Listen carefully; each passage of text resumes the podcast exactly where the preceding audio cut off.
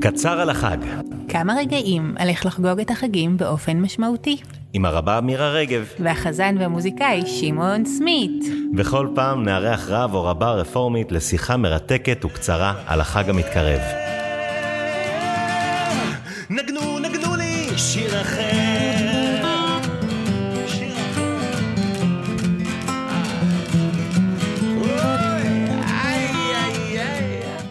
שמעון, אתה יודע מה החג האהוב עליי? אני הכי אוהבת את שמחת תורה. למה? כי סוף סוף יהודים רוקדים. וגם זה כיף שהם מוציאים את התורה מהארון, ומביאים אותה ללב של כל אחד וכל אחת. אז מירה, השבוע אירחנו את הרבה גליה סדן. על מה דיברתן? הרבה גליה סיפרה לי איך התורה בשבילה היא גם חלון אל המסורת ואל העם היהודי, אבל היא גם ראי אל הנפש שלה. ואיך היא קוראת את התורה כל שנה, אותו סיפור, אבל כל פעם היא מתאהבת בה מחדש. אז בואו נקשיב. בוקר טוב גליה. בוקר טוב מירה. וואי, איזה כיף לראות אותך. אנחנו כאן עם הרבה גליה סדן מבית דניאל, והיא גם אם בית הדין הרפורמי, שזוכה לגייר הרבה מאוד uh, גרים ולקבל אנשים חדשים לעם שלנו, ואני מאוד מאוד מתרגשת להיות איתך. אנחנו ממש אוטוטו שמחת תורה. תגידי, שמחת כן, תורה. חג מאוד מתאים לגיור באיזשהו אופן, נכון? לקבל כן. את התורה, לשמוח בה. וגם אני חושבת על זה שבעצם עם חלק מהאנשים זוכה להיות במחזור הראשון שלהם, ואנחנו נדבר מה זה להיות במחזור ראשון, אבל מה זה גם לחזור שוב ושוב על התורה. ואני רוצה קודם כל שלך, תגידי, את אוהבת את שמחת תורה? מה זה החג הזה בשבילך? אני, אני מתה על שמחת תורה. מי שלא ראה את הרבה משתוללת בשמחת תורה, לא ראה רבה משתוללת מימיו. וואו, אני רוצה להיות אה, שם. אני מאוד אוהבת את שמחת תורה, אני חושבת שזאת חגיגה אה, נהדרת, ובאמת אה, זה ממלא אותי בשמחה. אה, ככה אה, להחזיק את ספרי התורה לא כאיזה פטיש, אלא להחזיק את ספרי התורה עם כל הסמליות שלהם, ועכשיו כשאת אומרת אה, לגבי הגרים והגרות, אני אגיד לך משהו מאוד יפה שאמרה לי פעם מישהי שהייתה בתהליך גיור בשמחת תורה, והיא אמרה לי, אני לא אחזיק את התורה השנה, כי אני עוד לא סיימתי את הגיור. וואו. למרות שלנו אין בעיה עם זה.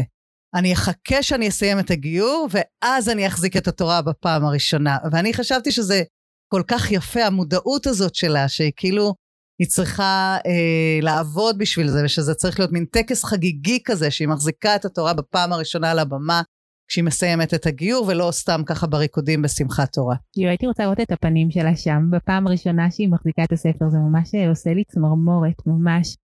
גלי, אבל תגיד, למה חוגגים בכלל את שמחת תורה? מאיפה זה התחיל? אני חושבת שהרבה מהמאזינים שלנו לא, לא מכירים את השורשים של החג הזה. אז מה שיש לנו בתורה בעצם זה שבתון, שמיני עצרת, נכון? אנחנו מכירים אותו, השבתון שאחרי שבעת ימי חג הסוכות.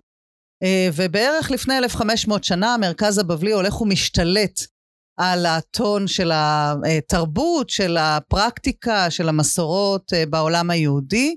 ואנחנו רואים אה, אצל הקלירי, אצל רבי אלעזר ורבי קליר אה, במאה השישית, שביעית, חושבים שהוא פעל, כבר פיוטים לשבת שאחרי אה, שמיני עצרת, לפרשת וזאת הברכה. כלומר, היה חג כזה, ובמאה התשיעית כבר מוצאים אותו בסידורים של רב עמרם גאון, רב היי גאון, הם קוראים לו יום טוב האחרון של חג, כן, זאת אומרת, ברור מאוד שיש חג כזה שבו מסיימים לקרוא את התורה, ואחרי זה בשולחן ערוך, אה, אה, דווקא בחלק האשכנזי שלו, אנחנו רואים שכבר ברור מאליו שיש אה, חג כזה, נקרא שמחת תורה, מסיימים לקרוא את התורה, והמנהג הזה וגם השם שמחת תורה הולך ומתקבע, הולך ומתפשט אה, בכל העדות. אז זה בעצם חג חדש, יחסית. זה חג חדש, הוא לא כתוב נכון? בתורה. נכון.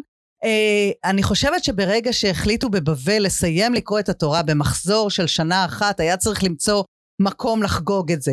ראש השנה הוא חג עמוס, יום כיפור בוודאי חג עמוס, בסוכות יש לנו את הסוכה וארבעת המינים. נו, אז מה נשאר? נשאר שמיני עצרת שהוא שבתון שאין בו כלום מרגע שחרב המקדש ולא מקריבים קורבנות, אין בו שום דבר. אז הנה, אנחנו יכולים uh, לדחוף לתוכו את, ה, uh, את סיום התורה, את חגיגת סיום התורה.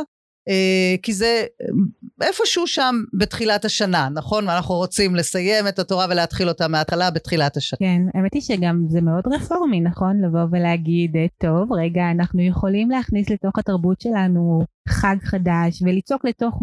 מועד קיים, ליצוק לו משמעות רלוונטית וחדשה, ישנה, ובכל אופן התורה היא עתיקה, אבל אנחנו מציינים אותה באופן חדש ומיוחד.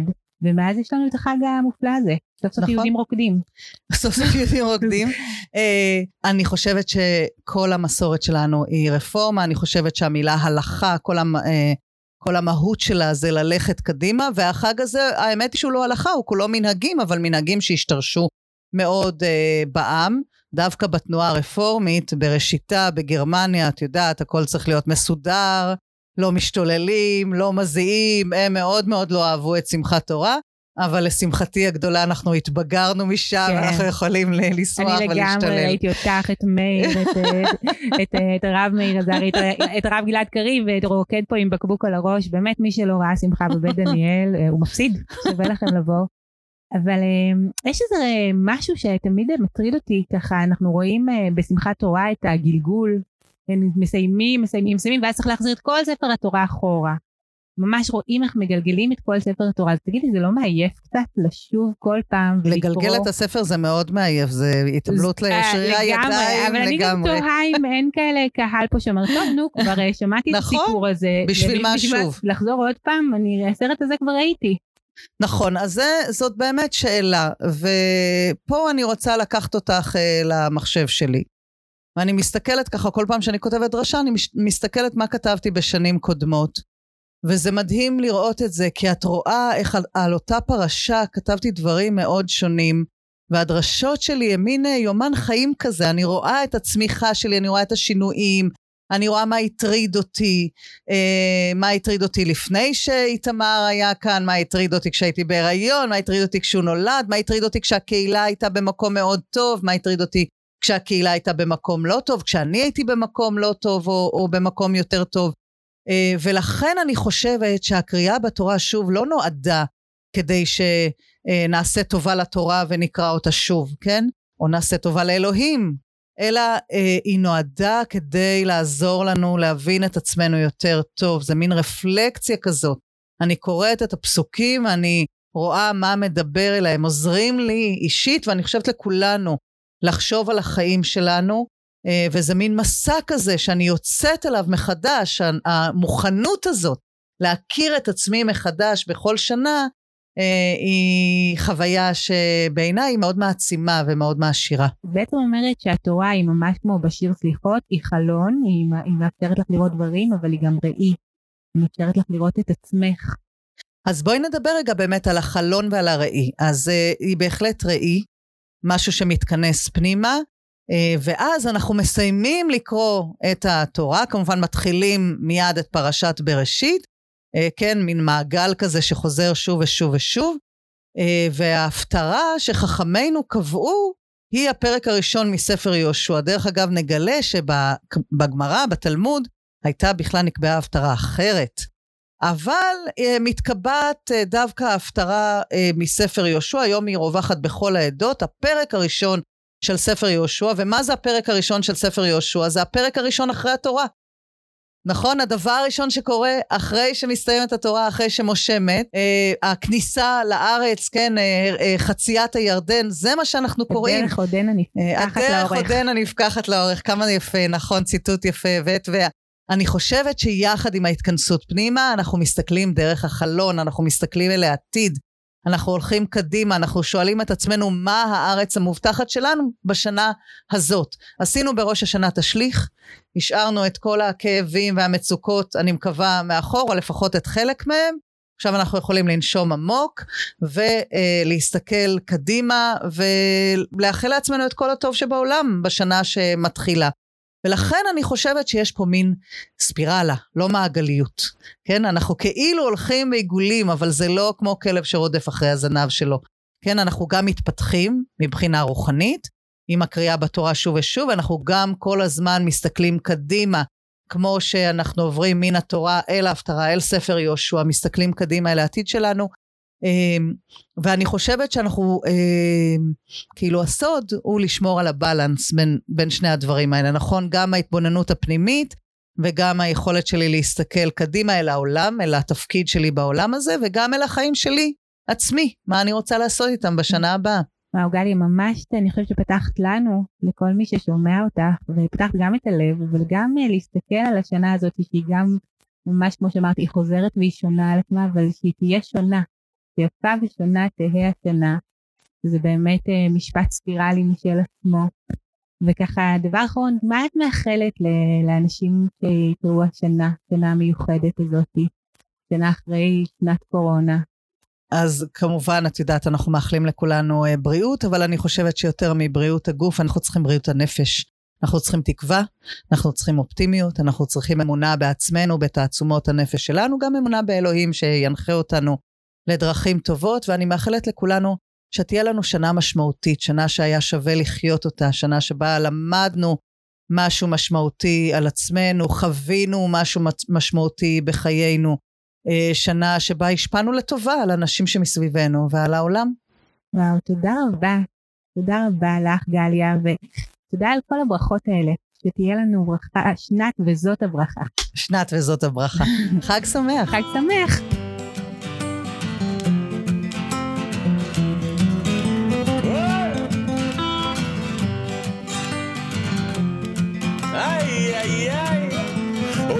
הזה בלי הרף את בי תוקעת חרב ולא נותנת לי תקווה.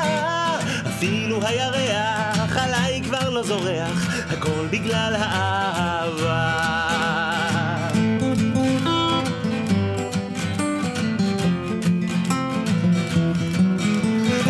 שותה לי וויסקי, אני שותה שמפניה עם ג'וני ועם ניסים וששון מנתניה. איי זה לא עוזר אצלי הלב הלב בוער נגנו נגנו לי שיר אחר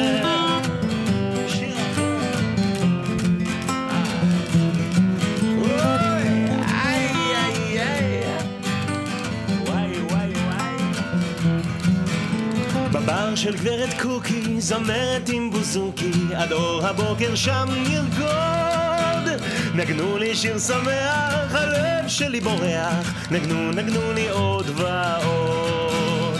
אני רוקד עם מינה, אני רוקד עם דינה, אני רוקד עם זינה, ושוש מבנימינה, איי זה לא עוזר, אצלי הלב הלב בוער. נגנו, נגנו לי שיר אחר.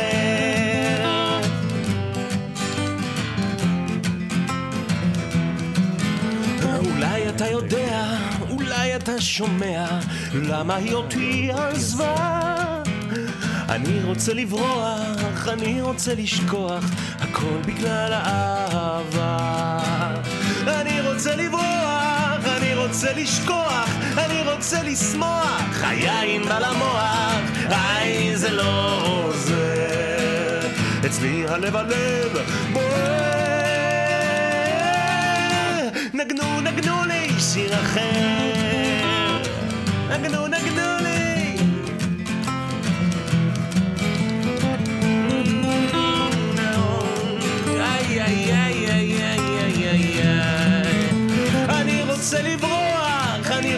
לשכוח, אני רוצה לשמוח, היין בא למוח, אני שותה לי וויסקי, אני שותה שמפניה, עם ג'וני ועם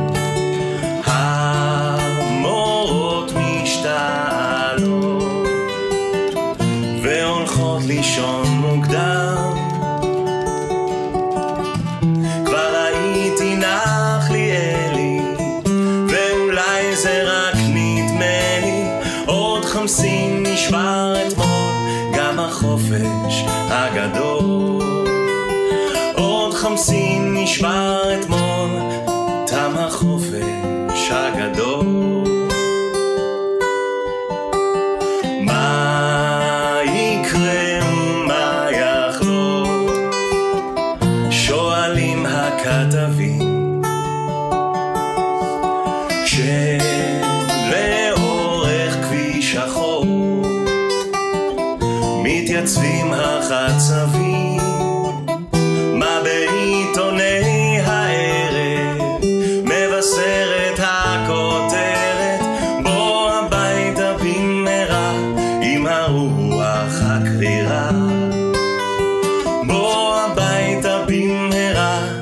ברור